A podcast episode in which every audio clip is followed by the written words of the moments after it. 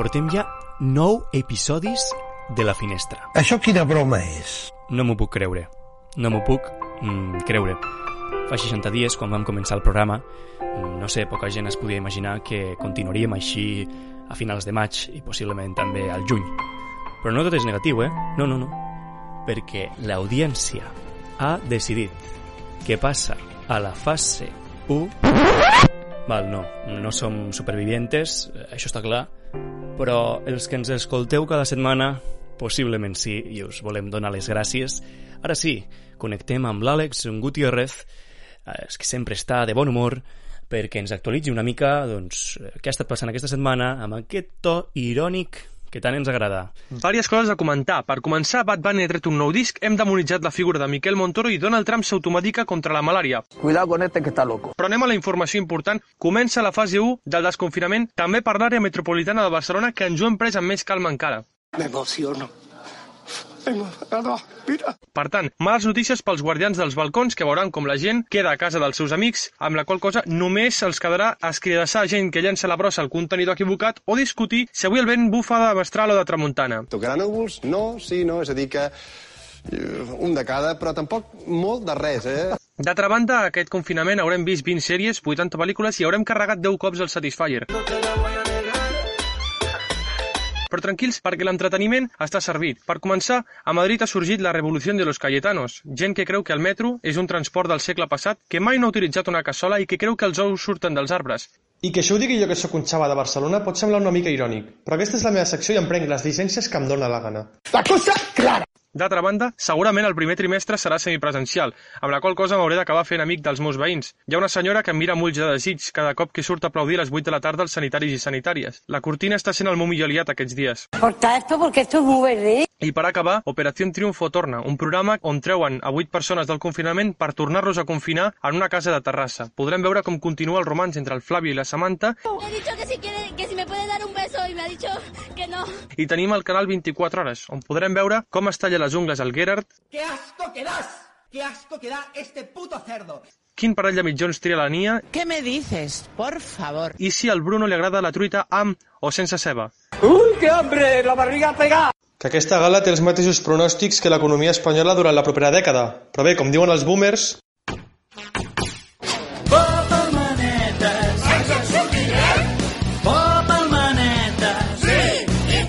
Va sempre molt ben acompanyat, ens va presentar la seva amiga la setmana passada i connectem amb ell. Enric Sitjà, com ha anat la setmana? Continues mantenint la teva amiga? T'ha fet fora ja del seu cercle d'amistats? Uh, a veure, es va emprenyar una miqueta perquè, bueno, perquè deia que no sortia bé les imatges, però tu, mm, és igual. Però la qüestió no és vas que ja l'havíem rodat. Com no li vas ensenyar les imatges després de gravar-la? Vas anar amb molta tradició. Soc massa bona persona i clar, com que havíem de respectar les distàncies, però he pensat, dic, bueno, és Vas dir, millor no li se ensenyo, trobarà. no? Política dels fets consumats, que diuen. Um, doncs bé, de moment ens hem de felicitar perquè gran part de Catalunya ja ha entrat a la fase 1, que al cap i a la fi és un pas més.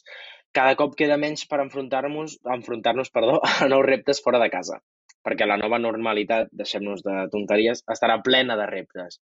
Ens haurem de dir sovint Compta amb mi en l'últim sospir de la nit i en el primer alè del dia els teus llavis quan badallis compta amb mi Compte amb mi. Uh, excepte si ets soci de govern a la Generalitat i et claves punyals com qui fa acupuntura, perquè ni el coronavirus ha aconseguit rebaixar la tensió. Aragonès versus Torra, Juncarisme versus Puigdelivers, Esquerra versus Junts per Catalunya. Bueno, enfrontament, al cap i a la fi, que també es trasllada a les polítiques i als debats parlamentaris. Tinc la responsabilitat del govern de la Generalitat de Catalunya i del Departament de Salut i no puc donar unes dades que no són oficials.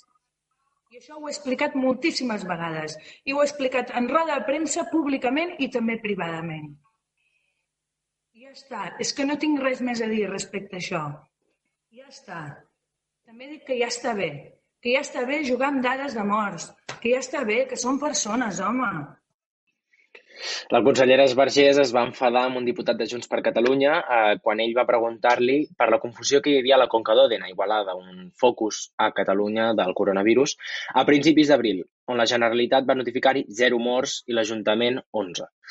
Va ser una pregunta un pèl tendenciosa que Vergés es va prendre malament, i és que ell és d'Igualada. Que Esquerra i Junts tenen mal rotllo no és cap novetat, ja fa dos anys que manen en coalició i estem acostumats. Canviarà alguna cosa després de les eleccions? Eh, hi haurà eleccions? El més probable és que l'independentisme torni a guanyar, però cap partit tindrà majoria absoluta. Pactes, pactes i pactes. Somriures a càmera i ganivets als despatxos?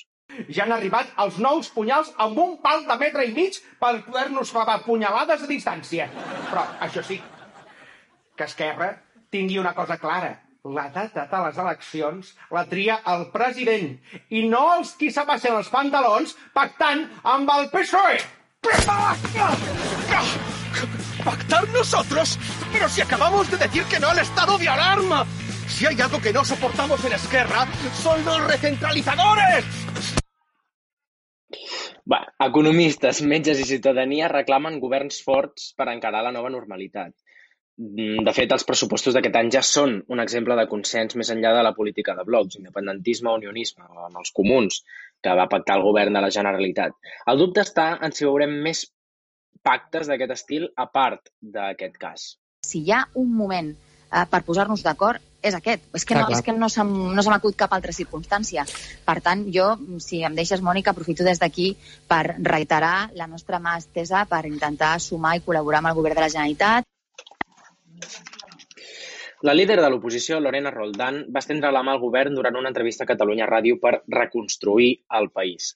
Caldrà veure si es repeteix més endavant, tenint en compte els escenaris que es preveuen. Eleccions, s'estirarà la legislatura... Depèn de com, els mesos que vindran seran una campanya electoral permanent, una tempesta entre socis de govern com des del 2018 o un desert, perquè també caldrà avaluar si la recentralització de competències ha estat productiva i si aquestes no tornen de Madrid, poca cosa quedarà gestionar des de la Generalitat. I estarem a sobre, els periodistes. Entre totes haurem d'explicar el moment històric que viurem i que vivim ja, i ens farem més fortes. Ens haurem de dir les unes a les altres, compta amb mi. Comptaré amb tu, Enric Sitjà, per la secció la setmana vinent. Fins Perfecte, aleshores ens, eh, ens despedim Adeu. amb aquesta cançó. Moltes gràcies, Vagi Enric. Bé.